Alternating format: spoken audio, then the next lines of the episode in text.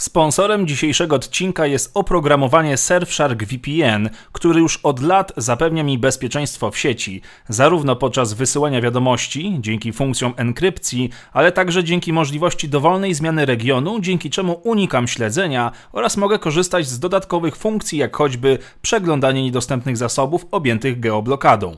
Ponadto Surfshark działa na wszystkich moich urządzeniach. Jest szybki, nie zamula kompa i pozwala m.in. oszczędzać na podróżach lotniczych. Jeżeli szukacie dobrego softu w rozsądnej cenie, który zapewni Wam maksymalne bezpieczeństwo w sieci, to skorzystajcie z kodu HOLOKRON, który da Wam 83% zniżki oraz 3 miesiące za darmo. A teraz lecimy z odcinkiem.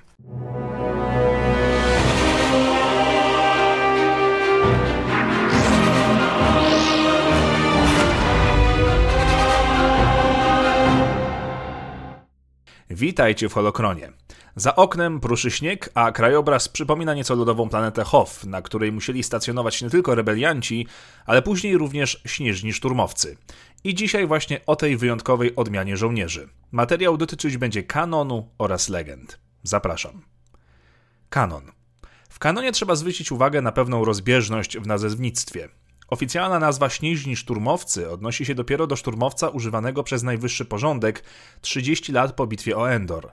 Nosili izolowane zbroje i hełmy zaprojektowane na zimną pogodę. Śnieżni szturmowcy brali udział w bitwie o bazę Starkiller i bitwie o Krayt w 1934 roku, a do 1935 brali udział w okupacji planety Kijimi przez najwyższy porządek. Najnowsza generacja śnieżnych szturmowców nosiła zaawansowane izolowane zbroje i hełmy wykonane z betaplastu z rozszerzoną osłoną szyi i spolaryzowanym szczelinowym wizjerem, aby zminimalizować odblaski lodu. Całość wieńczyły dwa wloty do butli oddechowej.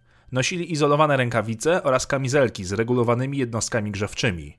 Mieli zmodyfikowane karabiny blasterowe F-11D z optyką przeciwmgielną i urządzeniami do manewrowania ciepłem.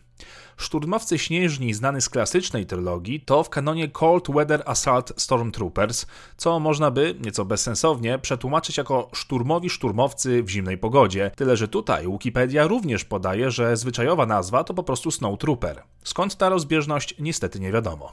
Śnieżni szturmowcy byli bezpośrednimi potomkami zimnego szturmowca klonów, którzy byli częścią ostatniej partii klonów stworzonych w Imperium. Kiedy owe imperium zlokalizowało sojusz na Hoth, trzy lata po bitwie o Jawin, elitarne siły Blizzard, dowodzone przez generała Maksymiliana Wirsa, brały udział w bitwie, która później stała się wielkim zwycięstwem imperium i bolesnym ciosem dla rebeliantów. Pancerz Snowtroopera był dobrze izolowany, aby chronić przed ekstremalnym zimnem, z kombinezonem i podgrzewaną maską dechową zasilaną z akumulatora, który mógł wytrzymać do dwóch standardowych tygodni.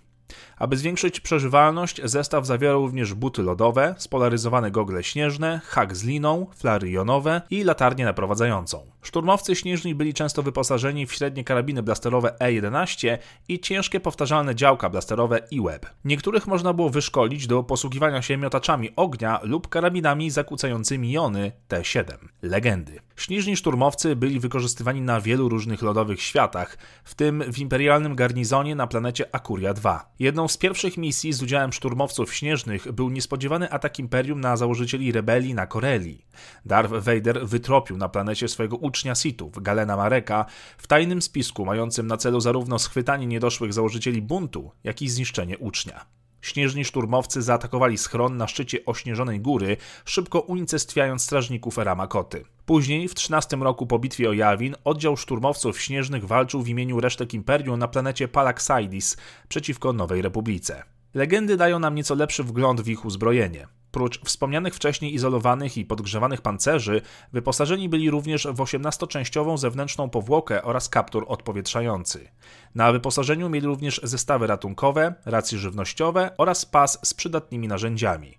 Wszystko to dostarczała firma Garlstar. Ich hełmy miały wbudowane spolaryzowane gogle śnieżne. Napierśnik noszony przez szturmowców śnieżnych został zbudowany z pancerza kompozytowego z tworzywa sztucznego. W pobliżu środka znajdowały się wszystkie kontrolki całkowicie samowystarczalnych systemów podtrzymywania życia. Obejmowały one zewnętrzny monitor temperatury, monitor ogniw zasilających oraz elementy sterujące grzejnikiem skafandra. Plecaki żołnierzy zawierały główną jednostkę grzewczą, ogniwo zasilające, jednostkę komunikacyjną i radiolatarnię naprowadzającą. Pakiet miał również możliwość pracy jako źródło zasilania dla innego sprzętu. Śnieżni szturmowcy mogli przetrwać do dwóch tygodni nawet w najtrudniejszych, mroźnych warunkach dzięki wewnętrznemu zasilaniu i zapasom skafandra. Byli jednymi z nielicznych jednostek szturmowców, które miały plakietki z insygniami rangi na zbroi podczas przebywania w terenie. Byli uzbrojeni w standardowe karabiny blasterowe E11, lekkie powtarzalne miotacze SE-14R, dwa granaty ogłuszające i jeden granat odłamkowy.